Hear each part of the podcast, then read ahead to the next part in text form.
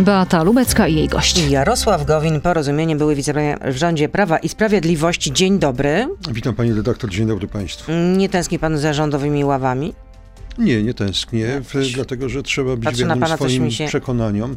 Y, I w, y, ja nie mogłem się zgodzić zarówno jako minister odpowiedzialny za gospodarkę, jak i jako obywatel, osoba o bardzo wolnorynkowych poglądach na drastyczny wzrost podatków. Nie mogłem godzić się na Lex TVN, czyli no, próbę zamachu na wolność mediów, pluralizm mediów. W polityce Ale jakoś patrzę na pana, jakoś trudno mi w to uwierzyć. A za służbową limuzyną pan nie tęskni? No w końcu to wygoda. Przywiozą, zawiozą. W- Jeszcze y, w tej chwili dysponuję y, ochroną, y, dlatego że. y, Przyznał panu Mariusz Kamiński ochronę? Policja i Ministerstwo Spraw Wewnętrznych i Administracji zbadało te groźby, które y, były, pod moim, były są pod moim adresem kierowane, uznało je za na tyle poważne, że w, y, y, przedłużono mi ochronę. Na, na jak długo? No, pani redaktor, tego typu informacje Są poufne? nie są poufne. E, Ale to są poważne groźby rzeczywiście? Grożą panu śmiercią na Nie przykład? będę komentował e, tej sprawy. To też musi być objęte poufnością. No, mogę powiedzieć tylko tyle, że skoro i policja, i Ministerstwo Spraw Wewnętrznych i Administracji uznało te groźby za e, poważne, to, to tak należy do nich podchodzić. A w sondażach pana partia 0%. No niektórzy mówią złośliwie No, polityczne zombie. Pani redaktor, są sondaże, w których mamy 1%, są sondaże, w których mamy e, 2%. Ja sobie zdaję sprawę z tego, No ale że... te sondaże świadczą o tym, że będziecie Zdaję poza sobie murtą. sprawę z mm, tego, że to jest e, trudny moment dla e, porozumienia. Przez sześć lat byliśmy e, częścią obozu Zjednoczonej Prawicy. Doszliśmy do granicy akceptowalnych dla nas em, kompromisów. Poszliśmy w tej chwili em, swoją drogą. Jestem przekonany, że przy wyborach parlamentarnych będziemy współtworzyli szerokie listy mm, centroprawicowe i że w, mm, te listy wybrani z nich parlamentarzyści będą odgrywali istotną rolę w przyszłym parlamencie. No ale w kuluarach to jak się słyszy, to mówią o panu, że to jest, pan jest teraz najbardziej niepożądanym koalicjantem. Ja robię swoje, e, ciężko pracuję, e, przygotowuję program partii, w, prowadzę cały szereg rozmów, przede wszystkim ze środowiskami samorządowymi i ze środowiskami przedsiębiorców. Najważniejsze jest w tej chwili dla mnie, żeby zniwelować negatywne skutki Polskiego Ładu. A czy posłanka Monika Pawłowska, posłanka porozumienia, będzie wspierać Prawo i Sprawiedliwość? Tak twierdzą dwa portale, Gazeta.pl i Onet.pl, powołują się na swoje źródła w Pani rządzie. poseł Pawłowska kategorycznie dementuje te e, plotki. Czyli rozmawiał pan z nią, tak? Tak, oczywiście.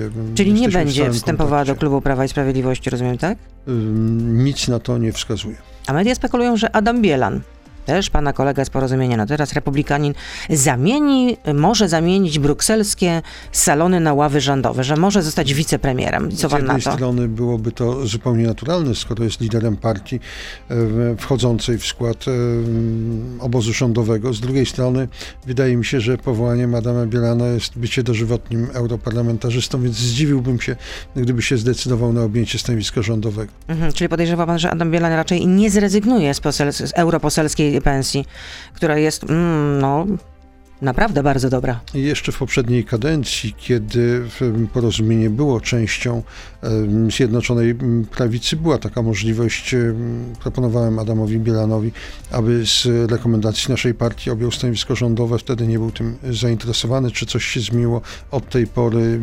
Nie wiem. Jak pani się domyśla, e, nie jesteśmy w regularnym kontakcie. Ale co pan myśli o swoich byłych kolegach właśnie, no, na przykład Kamil Bortniczuk, Adam Bielan, właśnie to zdrajcy?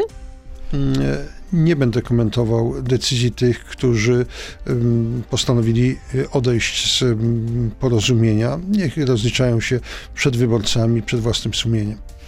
A czy kopalnia Turów powinna zostać e, zamknięta? Przedmiot sporu z Czechami, no bo okazuje się, że 500 tysięcy euro dziennie ma płacić Polska za działalność kopalni w Turowie, Nie, na którą skarżą się Czesi. Zdecydowanie nie powinna zostać zamknięta. To w ogóle moim zdaniem nie wchodzi w, w grę ze względu na bilans y, energetyczny Polski. Ze Czyli rząd ma rację, tak? skutki. E, Sprawa jest złożona. Ja mam pewną wiedzę na ten temat, którą nie mogę się podzielić z e, panią redaktor, bo to dodatkowo skomplikowałoby sytuację procesową Polski. I z Ale słuchaczami. uważam, uważam te środki zapobiegawcze zarządzone przez wiceprezes TSUE za nieproporcjonalne, czyli mówiąc krótko, za drastycznie przesadzone. Nie zmienia to faktu, że w negocjacjach z Czechami, z Komisją Europejską czy z Trybunałem Sprawiedliwości niestety po raz kolejny polskie państwo poniosło i, i ten rząd poniósł porażkę. A kto pokpił sprawę, jeśli chodzi o negocjacje z Czechami? E, nie chcę wskazywać żadnego nazwiska. No, ostatecznie odpowiedzialność za sukcesy i porażki rządu spada zawsze e, na premiera. Kiedy są sukcesy w naturalny sposób, Mateusz Morawiecki ma prawo do wypinania piersi mm, do orderów. Natomiast kiedy są mm, porażki, nie wydaje mi się na pewno, żeby można było tutaj zrzucać odpowiedzialność na bezpośredniego negocjatora, e, pana ministra Michała Kurtykę. Jeszcze raz podkreślam, że trudno mi tę sytuację komentować, bo wiedza, którą dysponuję, nie powinna być przedmiotem publicznych dywagacji. To takie tajne przespołówne objęte jest jakąś klauzulą? Nie, to, co, nie chodzi ta wiedza, o, którą pan posiada? nie chodzi o klauzulę tajności, chodzi o interes polskiego państwa, niezależnie od tego, że jestem poza rządem, że jestem politykiem e, opozycji, to trzymam kciuki za rząd, żeby jak najszybciej wyszedł z tego pata, dlatego że e, Ale kary, jak można które będziemy, kary, które będziemy płacili są karami pokrywanymi nie przez rząd, tylko przez całe polskie społeczeństwo. I ja uważam, że trzeba być konsekwentnie państwowcem. Jak, jak można z tego wybrnąć? E, jak najszybciej porozumiewając się z naszym czeskim partnerem. Gdy słyszę plotki o tym, że w odwecie Polska miałaby zawiesić czy ograniczyć swoje członkowstwo w grupie e, Tymczasowo wstrzymać, jak podaje Wirtualna Polska. Tymczasowo wstrzymać. Mam nadzieję, że to są plotki bezpodstawne, bo w tej sytuacji nie pozostaje nam nic innego, jak przedstawić e, nową, korzystniejszą z punktu widzenia Czechów ofertę naszemu południowemu sąsiadowi. A dlaczego pan uważa, że to nie byłby dobry pomysł? No to może by się wystraszyli, może wycofaliby skargę? Nie, z całą pewnością byłby to gest pozbawiony realnego znaczenia, a byłaby to kolejna wizerunkowa porażka rządu, a tym samym porażka polskiego państwa, wskazująca na postępującą izolację Polski na arenie międzynarodowej. Czyli jak najszybciej dogadać się z Czechami? To pan postuluje to Tylko widać, no, no nie jest to nie znając proste. oczywiście aktualnego e, stanu negocjacji, one siłą rzeczy muszą być e, poufne. Od ponad miesiąca nie jestem już e, członkiem rządu, więc nie mam dostępu do informacji. Jarosław Gowin jest z nami, wicepremier, były wicepremier w rządzie Prawa i Sprawiedliwości, a teraz już jesteśmy na Facebooku, na Radio ZBL, na YouTubie. Beata Lubecka, zapraszam. Jarosław Gowin jest z nami, jako się rzekło. A czy grozi nam, e, a czy grozi nam polek, pole, polexit? Bo tak wieszczy na przykład Donald Tusk ostatnio mówił, że PiS i Kaczyński chcą wyprowadzić Polskę z Unii Europejskiej. Ja to wiem. Tak mówił na konwencji Platformy Obywatelskiej lider PO. To wątpię. Moim zdaniem nie chcą. Nie ma takiego planu. Natomiast e, David Cameron też nie miał planu wyprowadzenia Wielkiej Brytanii z e, Unii Europejskiej. Tak mu wyszło. I ja nie wykluczam, że PiSowi też tak może wyjść. Aczkolwiek wierzę w taki trzeźwy, twardy euro realizm polskiego społeczeństwa i wierzę, że Polacy nie pozwolą żadnemu rządowi wyprowadzić naszego kraju z Unii Europejskiej, bo to jest polska racja stanu, ta, ta obecność. Nie zmienia to faktu, że ja z aprobatą przyjmuję e, w propozycję e, Donalda Tuska zmiany konstytucji. Co więcej, w latach 2010-2011 stałem na czele Komisji Konstytucyjnej. Przygotowaliśmy projekt poparty jednomyślnie przez wszystkich członków komisji, także przez polityków Prawa i Sprawiedliwości, projekt takiego specjalnego rozdziału Konstytucji regulującego relacje Polska-Unia Europejska. Warto do tego wrócić. Będę do, do tego zachęcał wszystkich e, liderów e, ugrupowań parlamentarnych. No, jest uchwała Prawa i Sprawiedliwości, że nie ma takiej możliwości, żebyśmy wychodzili z Unii Europejskiej. E, Jarosław Kaczyński zawsze obawiał się tych zarzutów o polexit, bo wiedział, że nie przysporzy to popularności Prawu i Sprawiedliwości. Nie zmienia to faktu, że jak mi się wydaje, po wyborach amerykańskich, po zwycięstwie prezydenta Bidena, Jarosław Kaczyński zaczął świadomie skłaniać się ku polityce izolacjonizmu. I niezależnie od tego, czy my z Unii Europejskiej wyjdziemy, czy nie, a jeszcze raz podkreślam, moim zdaniem to jest y, mało prawdopodobne, to już ponosimy wymierne straty związane z niską pozycją Polski w Unii. O jednej, jednej z tych strat rozmawialiśmy w pierwszej pierwszej części rozmowy. Mam na myśli sytuację w Turowie, ale mamy wstrzymane środki z KPO. Komisja Europejska grozi, że nie przekaże nam też środków do tych regionów, w których obowiązują takie uchwały anty-LGBT. Więc tych konkretnych, wymiernych strat jest naprawdę wiele. To jeszcze raz zacytuję Donalda Tuska, który mówił, że był świadkiem, uczestnikiem rozmów już wiele lat temu, gdy niechęć do Unii Europejskiej w środowisku PiS była manifestacyjna. Rzeczywiście jest taka niechęć do Unii Europejskiej manifestacyjna w Prawie i Sprawiedliwości? Na pewno pod tym kątem dochodziło do ewolucji e, nastawienia czołowych polityków PiSu, dlatego że kiedyś PiS był partią eurorealistyczną, no a jeżeli dzisiaj bliski współpracownik Jarosława Kaczyńskiego porównuje Unię Europejską do okupacji hitlerowskiej, e, to, to jest przejaw skrajnych antyunijnych emocji. No jak się bierze pod uwagę takie wypowiedzi jak marszałka Trelskiego, z której potem się wycofywał, mówił, że to histeria wywołana przez e, Platformę Obywatelską, przez TVN24, czy też wypowiedź Marka Słuskiego, który mówił o okupacji e, z Brukseli, no to co można sądzić na ten temat? E, w nie grozi nam polexit, natomiast dokonało się coś, co nazwałbym pizexitem. To znaczy PiS przesunął się na pozycje e, eurosceptyczne. E, jestem jednak przekonany, że polskie społeczeństwo, i powtarzam to po raz kolejny, nie pozwoli żadnemu rządowi, także rządowi PiSu, na wyprowadzenie Polski z Unii Europejskiej. Nie zmienia to również e, faktu, że powinniśmy mieć w bezpieczniki konstytucyjne przed takim pochopnym wyjściem. Ta większość dwóch trzecich zawarta w projekcie rozdziału konstytucyjnego, który przygotowałem, jest właściwym rozwiązaniem. No ale w 2010 roku posłowie Platformy Obywatelskiej, także chyba Lewicy i PSL-u zagłosowali, jeśli chodzi o przepisy związane z wyjściem Polski z Unii Europejskiej, przegłosowali takie rozwiązanie, żeby takie, żeby to, te przepisy o wyjściu Polski z Unii Europejskiej były przegłosowywane zwykłą większością. Pan Od jak tego wtedy czasu dużo się zmieniło. A pan jak zagłosował wtedy? W, nie pamięta pan? Przyznam, że nie pamiętam, ale z, byłem, Myślę, wtedy tak politykiem, Platforma. byłem wtedy politykiem Platformy Obywatelskiej. Zapewne zagłosowałem e, tak jak e, cały klub. Od tego czasu upłynęło trochę wody w Wiśle e, i w, moim zdaniem dzisiaj stworzenie takich trwalszych bezpieczników jest zasadne. A jaki będzie Pana zdaniem wyrok Trybunału Konstytucyjnego? Dzisiaj Trybunał Konstytucyjny ma orzec, które prawo jest nadrzędne, krajowe czy europejskie? Gdyby werdykt Trybunału wskazywał na wyższość prawa krajowego, to de facto e, oznaczałoby to e, praktyczne wyjście Polski z Unii Europejskiej. Dlatego nie wyobrażam sobie, żeby e, sędziowie Trybunału Konstytucyjnego mieli zachować się w sposób tak nieodpowiedzialny. Sądzę, że o ile w ogóle ten werdykt zostanie dzisiaj wydany, to będzie to werdykt salomonowy, z którego nic nie będzie wynikać.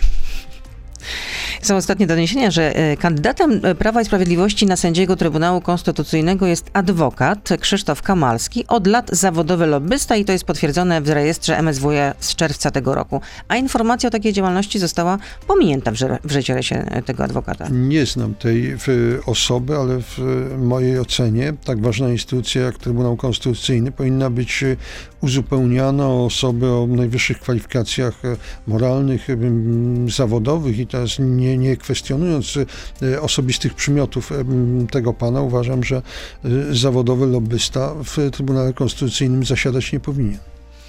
A słyszał pan wczoraj premiera? Jak się chwalił, że mamy 80 miliardów nadwyżki w budżecie, to jest możliwe? 80, 80 miliardów wyciągniętych z kieszeni Polaków przez inflację, przez drożyznę. Im większa inflacja, tym wyższe wpływy budżetowe, przede wszystkim z podatku VAT. Więc w tym sensie chwalenie się przez pana premiera dodatkowymi przychodami budżetowymi to jest zła wiadomość dla Polaków. 80 miliardów to nie w dmuchał, czyli inflacja rozumiem na, na rękę rządzącym. Y, I sądzę, że właśnie dlatego Adam Glapiński, prezes NBP-u, będący y, w nieformalną częścią obozu rządowego, nie podejmuje żadnych działań, aby inflację obniżyć. No ale premier wczoraj mówił, że no pierwszą praprzyczyną dobrego stanu gospodarki i możliwości budżetowych państwa są, tutaj cytuję, tarcze antykryzysowe i dobry stan przedsiębiorców, a druga to sprawne zarządzanie budżetem. Co do pierwszej przyczyny, to zgadzam się, że rząd dobrze poradził sobie z e, walką z gospodarczymi skutkami pandemii. Miałem w tym mm, swój e, udział. Natomiast jeżeli chodzi o sprawne zarządzanie budżetem, proszę wybaczyć, ale nie jest żadną tajemnicą już od jakiegoś czasu, że pan premier Morawiecki wyprowadził ogromny dług i ukrył ogromny dług w Polskim Funduszu Rozwoju i w Banku Gospodarstwa Krajowego. Rzeczywista sytuacja budżetowa Polski jest zdecydowanie gorsza niż przedstawia to rząd. To jaki jest dług publiczny według pana? Dług publiczny jest o około 300 miliardów wyższy niż podają te oficjalne dane. Czyli 300 miliardów ukryte albo w PFR, albo w Banku Gospodarstwa Krajowego, tak? Tak, i tu trzeba też uczciwie powiedzieć, że część z tych środków została przeznaczona na pomoc dla przedsiębiorców i w tym sensie jest to wydatek zasadny. Natomiast e, nie zmienia to faktu, że są to, że jest to dług, który będziemy musieli wszyscy spłacać, spłacać prawdopodobnie nie tylko my, ale także następne pokolenia Polaków. Jarosław Gowin jest z nami, były wicepremier w rządzie Prawa i Sprawiedliwości, ale też był członek Platformy Obywatelskiej i ja zapytam, jak się panu podobała sobotnia konwencja pana macierzystej partii? Widać, że Donald Tusk wyciągnął wnioski z e, faktu, że tak szybko i na tak niskim poziomie ujawnił się szklany sufit nad nim. E, ta polaryzacja, na którą grał premier Tusk po powrocie do aktywnej polskiej polityki okazała się korzystna przede wszystkim dla PiSu. Ona bardzo zmobilizowała wyborców PiSu, natomiast e, zdecydowanie mniej korzystna okazała się dla e, opozycji. Przede wszystkim sondaże pokazują, że Donald Tusk odbudował poparcie Platformy na poziomie dwudziestu kilku procent, ale tylko kosztem Szymona Hołowni, czyli nie pozyskał żadnych dodatkowych wyborców. W tym sensie zmiana kursu, którą e, ogłosił w Płońsku, wydaje mi się krokiem racjonalnym. No, ewidentnie ucieka od wizerunku partii wielkomiejskiej, ale kiedy Donald Tusk był premierem, to chyba można postawić taką tezę, że raczej marginalizował mniejsze ośrodki, mniejsze miasta y, i ambicje ich mieszkańców. No między innymi dlatego ja nie widziałem dla siebie y, miejsca w Platformie Obywatelskiej, bo nie podobała mi się polityka ciepłej wody w, w Klanie, nie podobał mi się ten skręt Platformy A no to się ciągle coś nie podoba. Dzisiaj widać, dzisiaj w Platformie widać, się nie podoba, w PiSie się nie podoba. Bo staram się konsekwentnie głosić swoje poglądy. Jestem do tych poglądów przywiązany, jestem zdecydowanym wolnorynkowcem w sprawach gospodarczych i umianym, umiarkowanym konserwatystą w sprawach e, światopoglądowych. Ale czy wierzy pan rzeczywiście w tę przemianę Platformy Obywatelskiej? Że... To na pewno nie dokona się za dotknięciem czarodziejskiej różdżki. Z całą pewnością wymaga to ciężkiej pracy nad przekształceniem e, wizerunku Platformy, która rzeczywiście, do której rzeczywiście przylgnął, przylgnęła łatka Partii Wielkomiejskiej.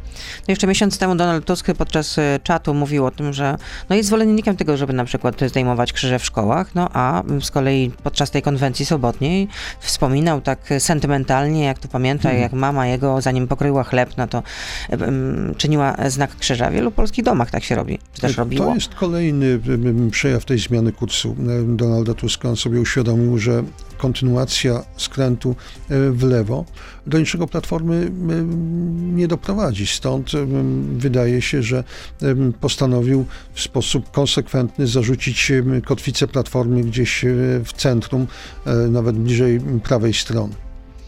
A spotykał się pan ostatnio z Donaldem Tuskiem, czy w ogóle już nie macie Ostatni kontaktu? raz spotkałem się z Donaldem Tuskiem w 2013 roku. Te wszystkie pogłoski o naszych tajnych spotkaniach rzekomo miały być w Brukseli, rzekomo w jednym z e, warszawskich hoteli są wyssane z palca. Czyli to wszystko pizzy na wodę fotomontaż, tak? Pizzy na wodę fotomontaż. Podobno w partii y, najważniejszym politykom y, Donald Tusk miał powiedzieć, że Gowin na pewno nie i jeszcze raz nie, że ma pana dosyć. Pani redaktor, nie mam kontaktów z Donaldem Tuskiem. Nie, w tym sensie, że może ewentualny powrót albo jakiś ma, alians, nie, coś to, ten desen. powrót do Platformy nie, nie wchodzi w grę. Natomiast e, ja uważam, że im bliżej będzie wyborów, tym bardziej na opozycji będzie dominowało takie podejście wszystkie ręce e, na pokład. Bo dzisiaj nic nie wskazuje na to, żeby Platforma Obywatelska miała samodzielnie obalić rząd Prawa i Sprawiedliwości. Bardzo dużo zależy od tego, czy w porozumieniu uda się przeciągnąć na stronę opozycji 2-3% dzisiejszych wyborców PiSu, takich umiarkowanych wyborców. Jestem przekonany, że Donald Tusk, jeżeli już dzisiaj tego nie, jeżeli jeszcze dzisiaj tego nie rozumie, to z czasem będzie miał tego świadomość. A jak się kreślą szanse na alians, pan alians, porozumienia tego, co tam jeszcze zostało, te niedobitki y, z PSL-em? Dzisiaj za wcześnie, żeby mówić o scenariuszach przedwyborczych. Współpracujemy programowo.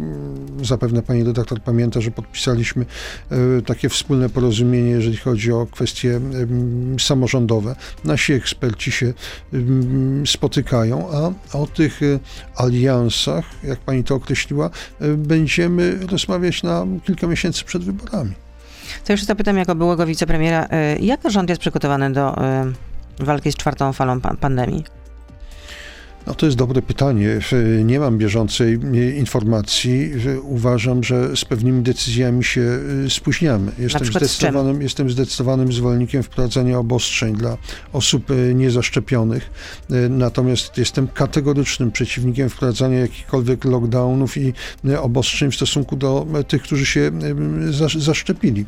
Mówiąc krótko, popieram takie rozwiązania, które wprowadziło wiele rządów europejskich, a nasz rząd waha się przed podjęciem takich decyzji, dlatego że, jak sądzę, przede wszystkim dlatego, że wśród wyborców PiSu jest wielu takich, którzy do szczepień podchodzą z najwyższą nieufnością. No ale są zapowiedzi, że ci, którzy właśnie nie chcą się szczepić, to ci posłowie raczej nie znajdą się na, na listach wyborczych. E, ale tu nie chodzi o jakieś deklaracje polityczne, tutaj chodzi o twarde rozwiązania prawne. Ale ja co znaczy uważam... znaczy obostrzenie, w takim razie, gdyby od pana zależało, to jakie obostrzenia by pan wprowadził dla osób niezaszczepionych? E, jeżeli pojawi się czwarta fala, bo mm, dzisiaj jesteśmy w, mm, na jej początku i być może uda się nad tym zapanować, oby się udało, ale jeżeli ta czwarta fala się pojawi, no to uważam, że na przykład wstęp do restauracji, do kin, na stadiony piłkarskie powinni mieć tylko ci, którzy zdecydują się zaszczepić. Ja wiem, że to jest trudny wybór, ale tutaj mamy do mm, ale to czynienia z kolizją dwóch wolności. To nie jest segregacja nie widzę żadnego powodu, dlaczego zaszczepiona większość e, społeczeństwa miałaby ponosić konsekwencje tego, że ktoś inny się nie chce szczepić. Nie chcesz się szczepić, masz do tego prawo. Ja nie jestem, mm, ja nie opowiadam się za przymusowymi, obligatoryjnymi szczepieniami, ale jeżeli się nie chcesz szczepić, ponosisz tego konsekwencje.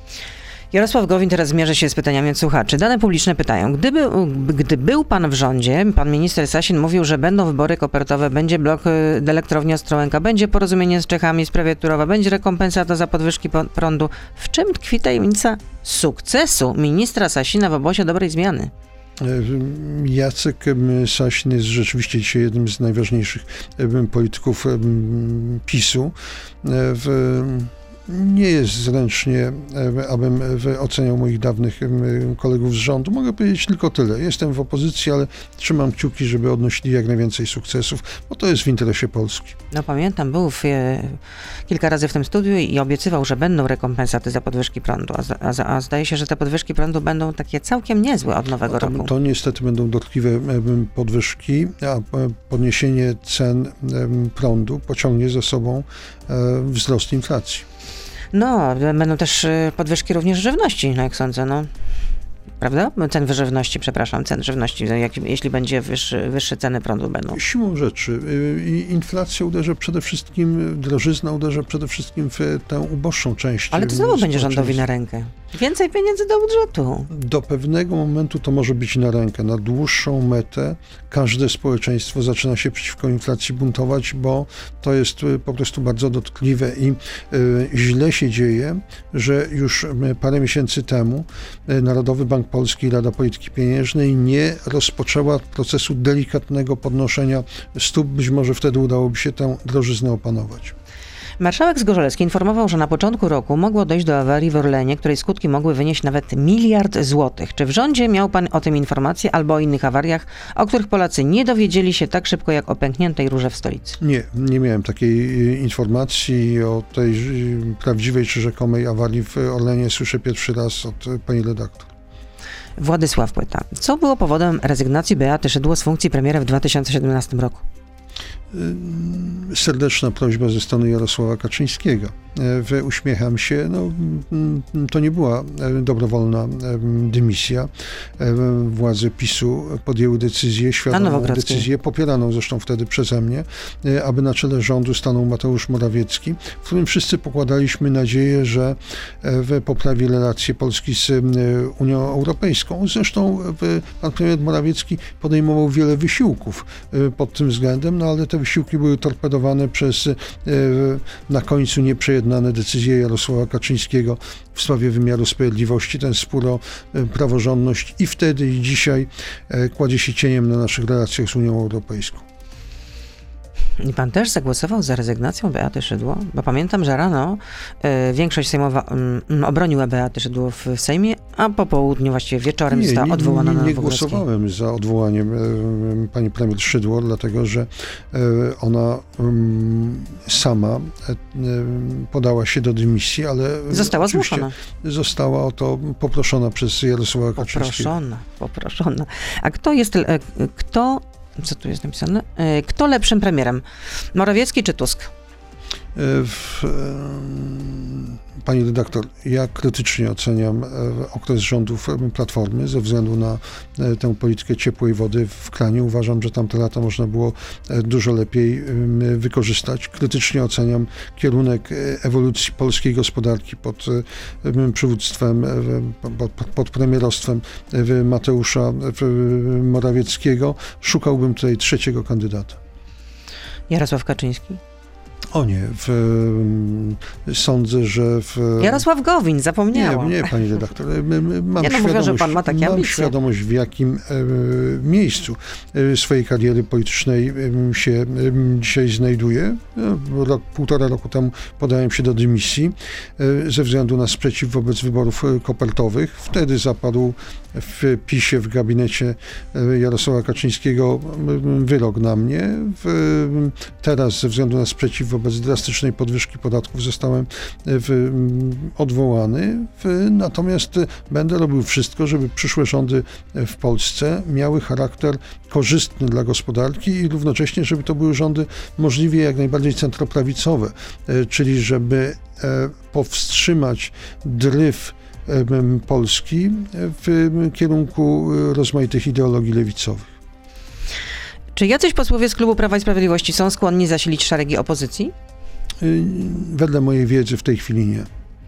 To pewnie, skoro cały czas ponad 30% Zjednoczona Prawica ma, więc, a w tym sondażu, o którym wspominałem, że pan miał 0%, pana partia, to tam właśnie 30% miała Zjednoczona Prawica, czyli Prawo i Sprawiedliwość plus Zbigniew Ziobro i jego e, współpracownicy. Michał pyta, dlaczego na początku publicznie godził się pan na warunki Nowego Ładu i dopiero po czasie postanowił się pan zbuntować, bo tak było? Wiele razy to mm, wyjaśniałem. W Pierwotnie podpisaliśmy się pod kierunkowymi rozwiązaniami, ale już wtedy wraz z premierem Morawieckim zapowiadaliśmy, że one zostaną uzupełnione o pakiet rozwiązań, które media nazwały ulgą dla klasy średniej. Z inicjatywy porozumienia taka ulga została rzeczywiście do projektu rządowego wprowadzona, ale tylko w odniesieniu do osób zatrudnionych na umowę o pracę. Jeżeli chodzi o przedsiębiorców, PiS nie zgodził się na nasze propozycje, dlatego sprzeciwiłem się podwyższeniu podwyżce podatków dla przedsiębiorców, czy szerzej dla e, klasy średniej, bo wiem, że taka podwyżka musi odbić się na poziomie życia wszystkich Polaków. Jeżeli przedsiębiorca ma płacić, pierwotnie rząd planował o 50% wyższe podatki, no teraz łaskawie zgodził się na to, żeby ta podwyżka była rzędu 30%, ale jeżeli przedsiębiorca ma płacić o 30% wyższe e, podatki, to albo zbankrutuje, albo zwolni pracow część pracowników, albo, i to trzecie będzie pewnie najpowszechniejsze, przerzuci e, część kosztów e, tych wyższych podatków na klientów. Mówiąc krótko, podniesie ceny swoich produktów i usług. Konsekwencją będzie drożyzna. Rafał, jaki ma pan pomysł na życie po 2023 roku poza polityką? Nie wykluczam w, m, tego, że w, e, rzeczywiście e, będę szukał nowego pomysłu na życie. W naturalny sposób e, zapewne wrócę do tego życia, które prowadziłem zanim wszedłem do polityki, e, Czyli- czyli zajmę się pracą akademicką. Będzie pan wykładał, tak? Czy też... Będę wykładał, będę e, pisał, natomiast e, moją rolą dzisiaj jest, e, podkreślam to raz jeszcze, przyłożenie ręki do powstania silnej listy centroprawicowej, ale zawsze podkreślałem, że polityk, jeżeli chce być człowiekiem wolnym, nie może być uzależniony od stanowiska. A może to już czas, by dołączyć do Konfederacji? Kolejne pytanie. E, Podzielam wiele poglądów gospodarczych Konfederacji. Tu, jest, e, tu są duże zbieżności między porozumieniem a Konfederacją, natomiast e, w sprawach międzynarodowych e, różnimy się w sposób bardzo istotny. Ja jestem zdecydowanym zwolennikiem obecności Polski w Unii Europejskiej. Konfederacja raczej skłania się ku rozwiązaniom eurosceptycznym. I kolejne pytanie. Pamiętam, jak prezydent proponował podczas kampanii prezydenckiej w 2015 roku ustawę o statusie osoby bliskiej, która miała być kompromisem dla związków partnerskich. Dlaczego według pana nic z tego nie wyszło? To jest rozwiązanie, za którym gotów byłbym podnieść rękę. Czym innym są tak zwane małżeństwa jednopłciowe. E, w- To jest moim zdaniem sprzeczne i z polską konstytucją, i z, ze zdrowym rozsądkiem, a czym innym status osoby bliskiej w, w mojej ocenie to byłby dobry kompromis. A dlaczego związki partnerskie nie? E, Wszystko zależy od tego, jak zdefiniować związki partnerskie. Ja nie mówię, że jestem przeciwnikiem związków partnerskich. Ja, ja mówię, że jestem przeciwnikiem tego, co jest nazywane małżeństwami homoseksualnymi. Ale musielibyśmy się pochylić nad szczegółowymi rozwiązaniami, żebym mógł powiedzieć, co jest dla mnie akceptowalne, a co nie. Z całą pewnością akceptowalne e, dla mnie są wszelkie rozwiązania, które e, dwojgu ludzi czy mm, niezależnie od ich em, płci, e, w, mm, ułatwiają e, wspólne mm, życie. Ale to nie jest traktowanie tych e, osób e, nieheteronormatywnych e, jak ludzi drugiej kategorii. Dlaczego nie, nie mogliby uważam, żeby tak, zawierać e, małżeństw? Nie uważam, żeby tak e, było, no chociażby dlatego, że mamy taką, a nie inną konstytucję. Ale można ją zmienić. Konstytucja to nie Biblia. To prawda, a nie wydaje się, żeby wydające się przewidzieć przyszłości w Polsce mogła powstać większość dwóch trzecich niezbędna do zmiany konstytucji akurat w tym punkcie. Poza tym proszę pamiętać, że ja jestem konserwatystą. Nie przekona mnie pani, że związek dwóch mężczyzn czy e, dwóch kobiet jest tym samym czym związek kobiety i mężczyzny. A pana zdaniem homoseksualizmem można się zarazić? No, pani redaktor, nie wiem, co miał na myśli pan profesor Duda, mówiąc takie Tata rzeczy. Andrzeja Dudy, pana jeżeli- prezydenta. Jeżeli w, traktować te słowa dosłownie, to one nie są warte komentarza. Homoseksualizm jest w znacznym stopniu zjawiskiem zaraźliwym. Tak to ujął e, Jan Duda, czyli mm, tata pana prezydenta. No to, to, to na pewno słowa niefortunne, w, w oczywisty sposób sprzeczne z wiedzą medyczną. Wiedzą medyczną, psychologiczną i tak dalej, i z, z prostą obserwacją faktów. E, I jeszcze pytanie od Jana. Zgodnie z uzasadnieniem ustawy Polski Ład grupy kapitałowe i bankowe będą zwolnione z VAT-u. Jaki to jest koszt dla budżetu z tego tytułu? Nie potrafię e, odpowiedzieć z e, marszu e, Na to pytanie. na to pytanie. Tutaj potrzebna jest bardzo szczegółowa analiza ekspercka. Dziękuję. Jarosław Gowin, dziękuję. były wicepremier w rządzie Prawa i Sprawiedliwości. Porozumienie. Był z nami. Dobrego dnia życzę oczywiście i zdrowia nieustająco. wszystkiego dobrego. To był gość Radia Z. Słuchaj codziennie w Radio Z i na player radioz.pl.